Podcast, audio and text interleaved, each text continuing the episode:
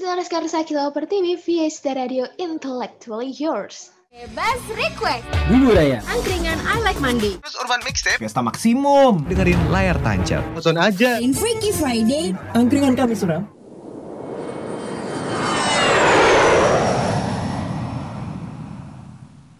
Fiesta Radio goes to podcast.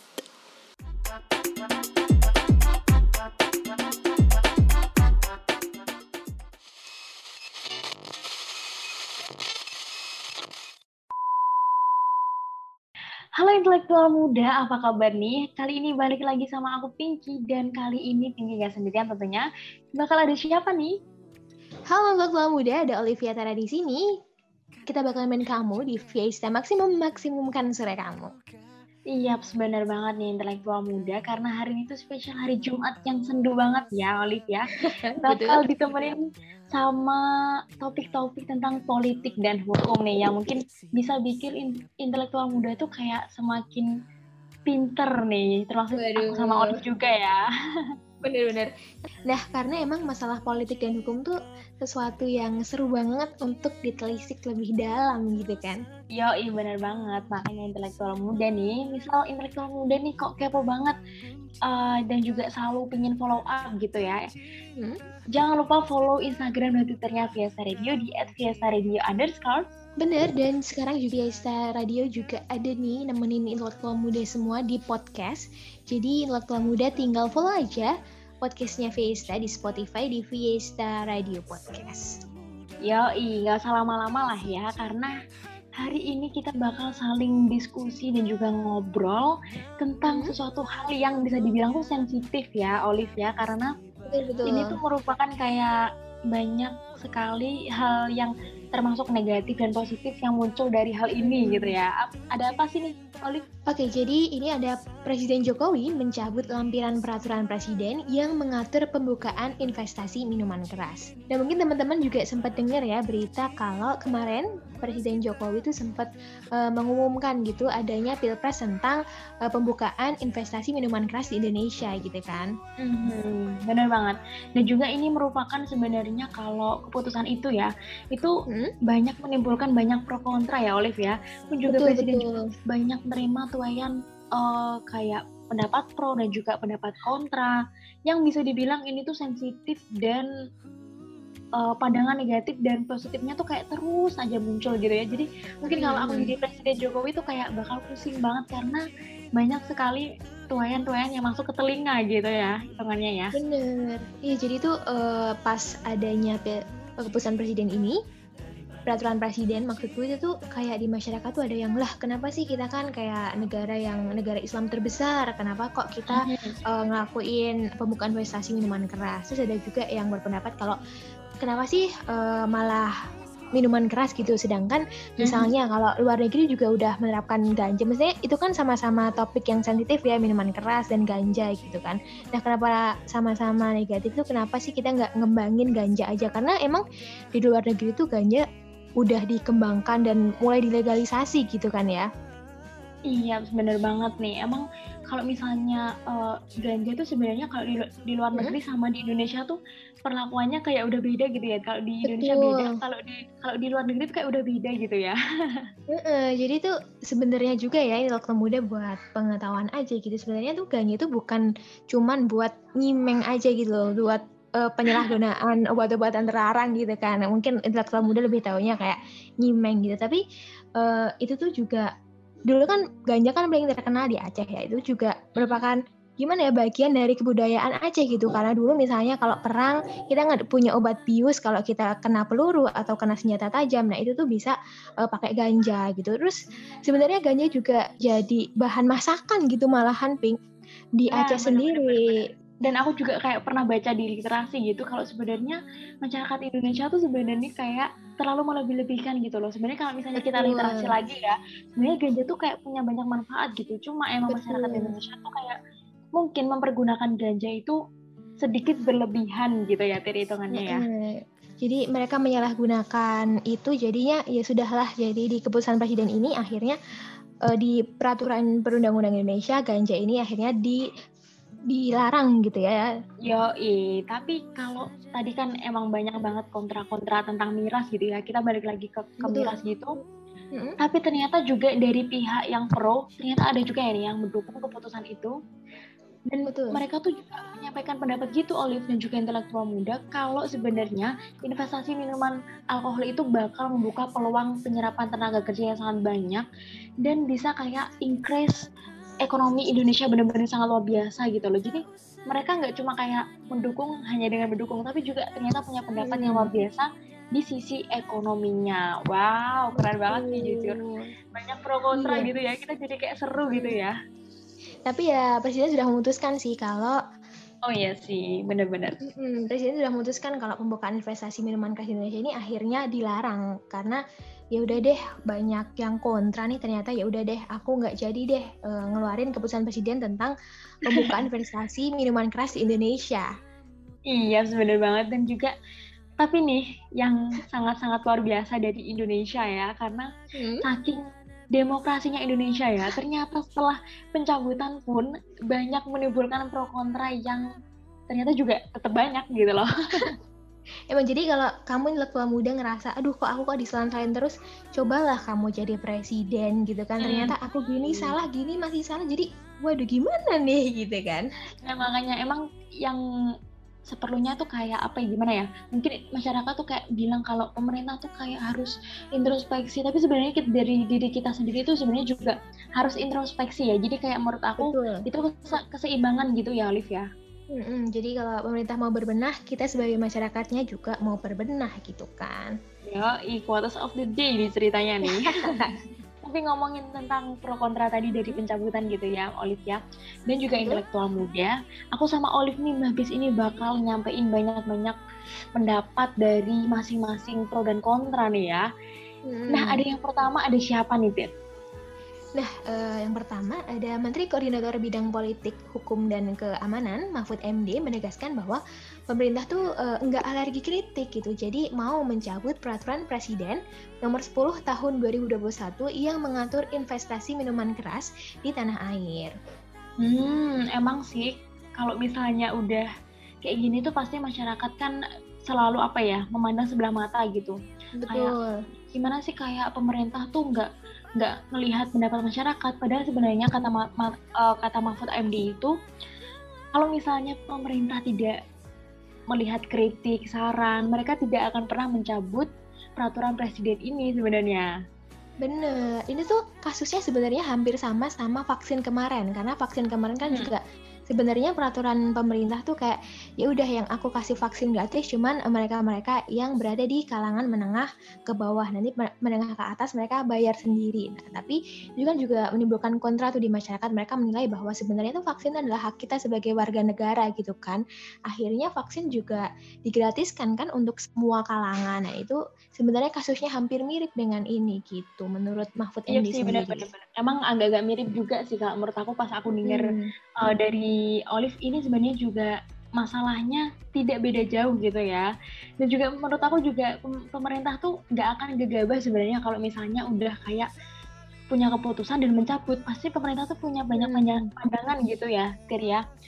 Jadi Betul, mungkin betul. Pak Jokowi itu juga nggak langsung kayak ya udahlah aku cabut aja karena banyak kontra pastinya. Pak Jokowi itu kayak juga mikir eh, harus ada pendapat-pendapat dari banyak sudut pandang gitu ya Olive ya Betul, itu Pak Jokowi itu eh, sering mendapat eh, apa ya kayak masukan-masukan terutama dari ulama, terus Betul. MUI, NU, Muhammadiyah, organisasi organisasi masyarakat biar Pak Jokowi itu kayak tahu gitu loh apa sih yang selanjutnya dilakukan enaknya kayak gimana gitu.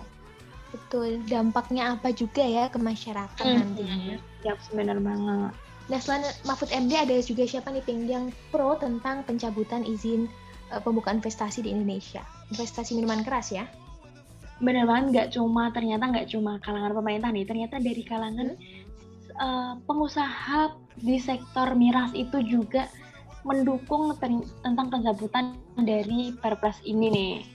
Oh, jadi emang kan di Indonesia sendiri memang ada ya beberapa ya memang uh, minuman tradisional gitu memang bagian dari kebudayaan masyarakat Indonesia sendiri seperti kayak di Bali mereka punya ada arak Bali terus yang ada di dekat kampus karena kita UNS mungkin paling dekat adalah ciu bekonang gitu kan. Mereka kan emang minuman luar biasa banget sih Olive jujur. Kok kamu bisa tahu ya ciu-ciu kayak Ini gitu? pengetahuanku tentang minuman keras nih memang bagus gitu kan. Oh, tapi gitu. gitu. muda aku nggak minum ya.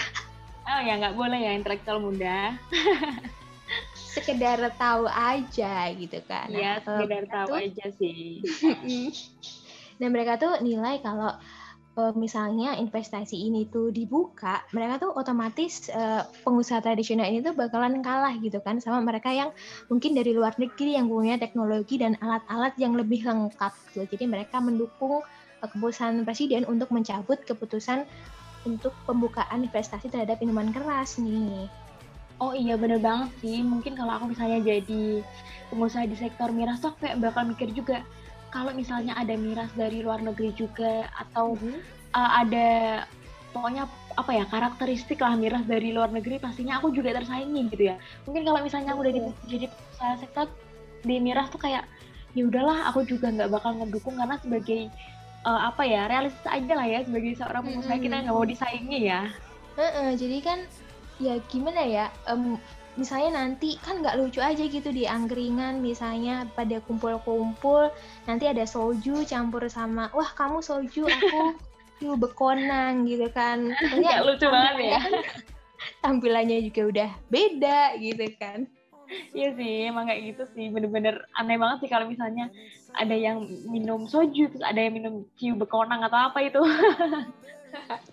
Tapi nih, Olive dan juga intelektual muda Hmm. nih, ternyata pengusaha di sektor miras itu nggak cuma mikirin tentang eh, usaha mereka juga, hanya Hmm. usaha mereka gitu ya. Tapi mereka itu juga mikirin tentang masa depan Indonesia gitu. Kalau misalnya tetap diperjalanin keputusan ini, ternyata menurut mereka tuh bakal kayak banyak banget perdebatan pro kontra yang sangat tidak penting dan sangat tidak produktif gitu loh.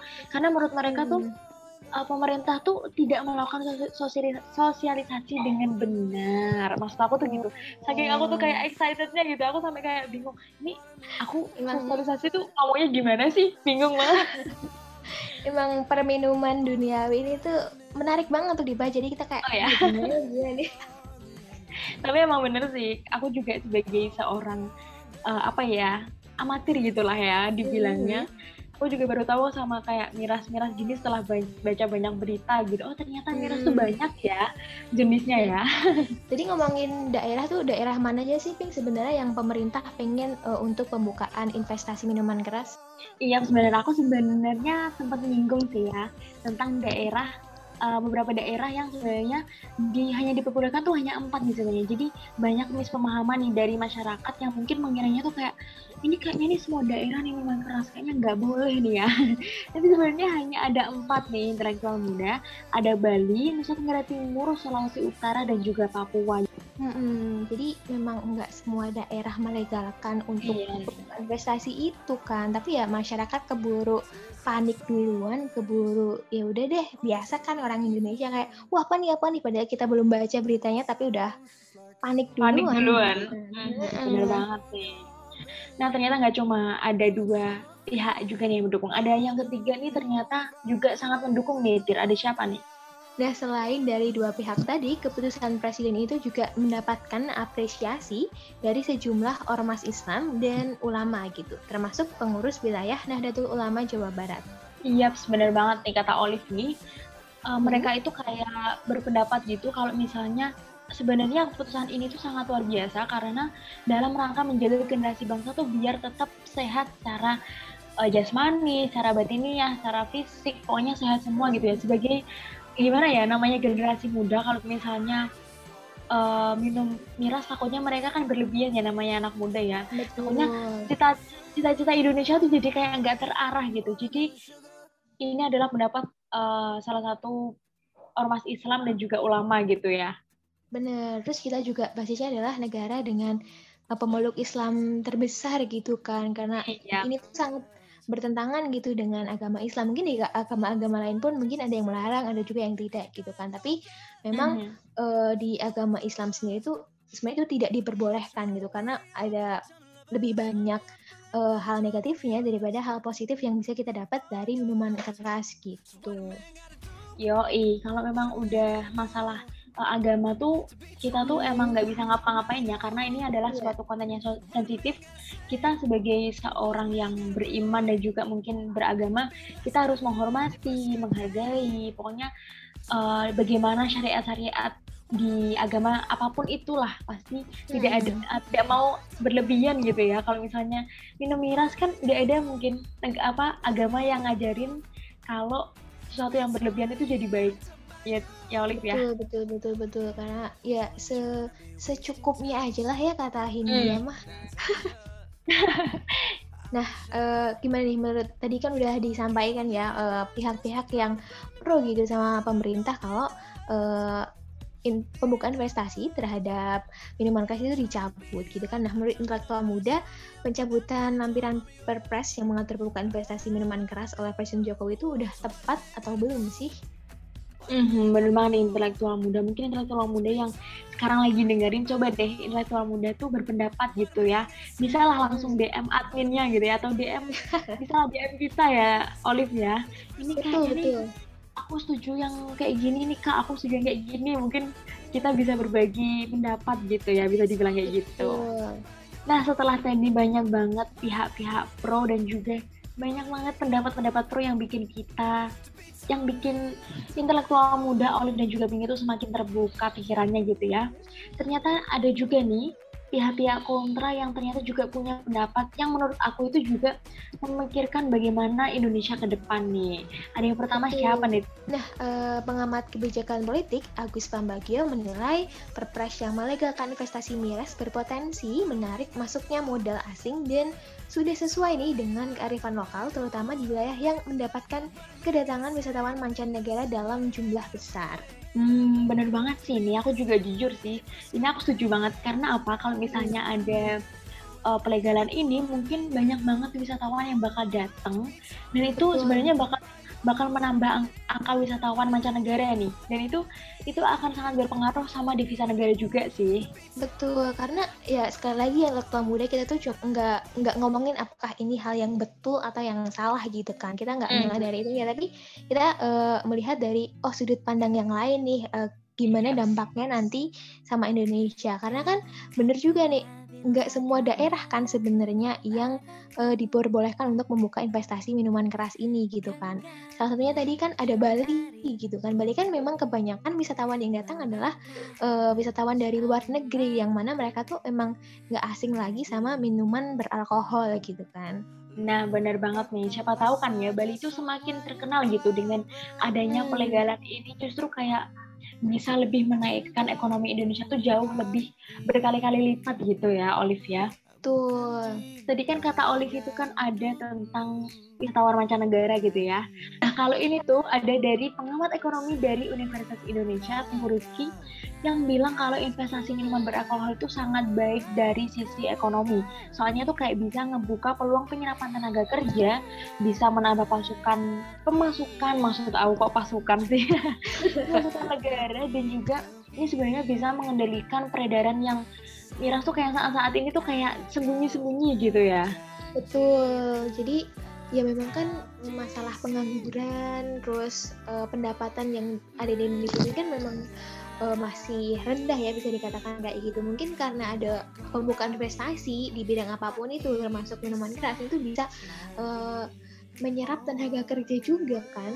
Mm, benar banget apalagi minuman keras di Indonesia kan kata kata Olive tadi ya minuman keras mm. itu kan uh, istilahnya tuh kayak city Indonesia juga gitu loh ya. Betul, bagian budaya gitu kan. Hmm, makanya mungkin kalau misalnya ada pelegalan ini, kita tuh bisa semakin kayak memberikan lapangan pekerjaan kepada mungkin pengangguran-pengangguran di Indonesia mengingat pengangguran di Indonesia tuh angkanya sangat tinggi ya bisa dibilang kayak gitu. Hmm. Jadi ternyata mungkin ya waktu muda kita nanti kita bisa membahas gitu kan tentang minuman keras di Indonesia ini tuh kita lihat dari sisi budaya gitu. Karena dari tadi kita ngomongin kayaknya seru gitu ya Pink? Iya bener-bener seru banget sih. Aku justru, justru kayak tadi pas aku kayak dapet ini tuh kayak wah ini ngomongin mirasnya sensitif. Tapi ternyata pas ngejalaninnya kayak seneng gitu ya. Mm -hmm. Nggak cuman dari pengamat ekonomi dari Universitas Indonesia tadi ini intelektual muda, Kepala Badan Koordinasi Penanaman Modal Bahlillah Hadalia menilai Perpres nomor 10 tahun 2021 tentang bidang usaha penanaman modal secara keseluruhan dapat mendorong investasi yang lebih berdaya saing. Nah, sekaligus sebagai pengembangan bidang usaha prioritas. Bener banget nih. Kalau udah bilang apa ya, namanya usaha prioritas kayak usaha mikro kayak gitu-gitu, pasti itu Hmm. sangat berpengaruh kepada Indonesia ya. Mengingat usaha mikro di Indonesia tuh sangat banyak gitu ya, Olive ya. Betul, jadi dari ketiga pendapat yang kontra tadi itu memang mereka memikirkan dari sisi ekonominya apa yang dapat bakalan didapatkan Indonesia kalau memang peraturan ini tuh eh, jadi diterapkan gitu kan di Indonesia. Hmm, bener banget nih. Dan juga eh, apa ya, nggak cuma mendapat banyak dukungan dari apa ya sisi ekonomi, tapi ternyata juga mendapat dukungan dari masyarakat Bali juga. Soalnya kan masyarakat Bali itu kan kayak punya yang namanya miras turun temurun gitu ya. Jadi Betul. mereka tuh bisa lebih kayak apa ya, mengeksplor istilahnya ya, Olive ya. Betul, betul. Jadi gimana sih mereka bisa belajar dari oh ternyata ada alat yang kayak gini yang bisa mungkin lebih efektif, lebih efisien untuk eh, mereka membuat eh, minuman keras sesuai dengan budayanya mereka sendiri gitu. Jadi memang pendapat dari kontra ini sebenarnya juga menurut aku sangat-sangat apa ya padat sih sebenarnya karena ini Hmm. memikirkan sisi ekonomi yang di mana Indonesia tuh sebenarnya juga eh, lumayan lemah ya kalau dari sisi ekonomi. Betul. Sedangkan kalau misalnya ada undang-undangan ini atau ada peraturan eh, presiden ini, ini kayak bisa Hmm. menginfluence ekonomi Indonesia tuh kayak lebih luar biasa berkali lipat gitu ya. Nah, ya itulah intelektual muda dari sekolah satu tuh pasti ya ada pihak-pihak yang setuju karena ya pertimbangan mereka sendiri, ada juga yang kontra dengan mempertimbangkan eh, dari segi mereka sendiri gitu kan. Tergantung perspektif di mana kita ngelihat masalah gitu. Ya benar banget intelektual muda kata Olive. Jadi menurut intelektual muda tuh gimana sih? Apakah pencabutan lampiran peraturan presiden ini yang ngatur pembukaan investasi minuman keras oleh Presiden Jokowi itu kayak udah tepat belum ya? Jadi mungkin intelektual muda bisa menjadi pihak yang pro atau pihak yang kontra mengingat uh, pendapat-pendapat tadi itu sebenarnya semuanya sangat-sangat memikirkan bagaimana Indonesia yang ke depan. Betul. Tapi nggak kerasa juga nih, Pink. Kita dari tadi ngomongin minuman keras sudah cukup lama ya kita nemenin intelektual muda. Iya deh, kayaknya nih lama banget nih karena emang aku juga sangat menikmati gitu ya. Aku juga sangat menikmati gimana sih kayak ini merupakan sesuatu pengalaman dan juga pengetahuan yang baru nih. Mungkin intelektual Betul. muda juga nih yang dengerin nih ternyata anak umur 19 tahun yang baru maba atau mungkin ada juga nih kakak-kakak yang udah eh, tahu mungkin soal miras. Jadi aku pun sebagai apa ya, kita saling partner diskusi ya, Olive ya. Kita jadi Betul. saling berbagi pemikiran gitu. Betul, tapi sebelum kita tutup, kita harus ngasih konklusi dulu nih, Pink, buat intelektual muda. Oh ya ini kayaknya ini kita perlu ngasih konklusi ya. Jadi sebenarnya nih intelektual muda, pencabutan lampiran peraturan presiden yang mengatur pembukaan investasi minuman keras ini mungkin menjadi salah satu solusi yang cukup baik nih mengingat banyak sekali Hmm. pro kontra yang terjadi di tengah masyarakat ya. Apalagi mungkin apabila terjadi hal seperti ini ya, mungkin pemerintah juga harus bisa sosialisasi yang lebih tepat ya Betul, jadi ya sebenarnya itu keputusan yang ya memang ada sisi positifnya tapi juga ada sisi negatifnya. Tapi sebenarnya kalau pemerintah mensosialisasikan dari awal dan jadi masyarakat tuh tidak salah menilai sebenarnya ini bisa jadi sesuatu yang bagus gitu untuk perekonomian di Indonesia itu sendiri. Hmm, bener banget nih. Apalagi mungkin sebenarnya ini merupakan salah satu apa ya mispemahaman lah bisa dibilang gitu ya, Alif ya. Karena dari pemerintah sendiri sosialisasinya kurang, dari masyarakat sendiri itu kayak udah terserang panik gitu ya. Mm, tapi yang satu yang bisa diapresiasi dari pemerintah adalah ya pemerintah mendengarkan kritik dari masyarakatnya sih kan ada kan kayak ya udah sakral gitu tapi pemerintah tuh mencoba mendengarkan dan ya sudahlah kita mengapresiasi meskipun ada sesuatu eh, ada beberapa hal yang seharusnya bisa lebih baik gitu termasuk dari bidang sosialisasi itu sendiri. Mm-mm, bener banget nih. Jadi mungkin eh, apa ya sebenarnya kalau misalnya menjalankan sebuah peraturan untuk negara kita sebenarnya itu itu merupakan suatu keseimbangan sih sebenarnya. Jadi kayak Hmm, dari- masyarakat rakyat ra- rakyat Indonesia maupun dari pemerintah itu juga harus saling mengerti dan juga saling memahami ya. Ini kayak pacaran gitu ya. Saling membenahi diri lah gitu kan. Hmm, hitungannya gitulah ya. Walaupun sulit tapi kita harus saling mengerti lah intinya ya. Betul, nah itu tadi intelektual muda maksimum kita hari ini yang ngebahas soal politik dan hukum. Mhm, Jadi intelektual muda mungkin yang merasa ini kok pembahasannya keren banget ya langsung aja pokoknya jangan lupa terus pantengin di Instagram dan Twitternya Fiesta Radio di @fiesta_radio underscore Dan kalau intelektual muda juga punya kritik dan saran, kamu boleh banget ngirimin kritik dan saran kamu di emailnya Fiesta di fiestaonair@gmail.com. Nah bener banget, apalagi mungkin intelektual muda yang dengar suara kita ya Olive ya. Ini kayaknya nih eh, penyiarnya cantik nih, soalnya suaranya cantik nih. Bisa banget. Emang kadang suara tuh menipu juga sih Olive ya. Betul. Tapi Emang- kalau kita nggak menipu kok, Ping. Kita emang Oh, suaranya iya. cantik, orangnya juga gitu. Sorry intelektual muda. Alhamdulillah kita tuh cantik dari dalam dan juga luar. Betul. Makanya intelektual muda kalau misalnya penasaran nih ya sama stu- studio kuningnya Fiesta atau penasaran sama penyiarnya ya. Pokoknya kalau udah offline nih ya langsung aja datengin di gedung 4 lantai 4 Visip 1S. Oke, jadi aku Olivia Tara pamit. Dan juga aku Pinky pamit. Dan akhirnya dari Fiesta dengan cinta. Kita bangun Indonesia. See you. See you. Bye-bye intelektual muda. Kau sampaikan lewat mata itu Selalu ku bawa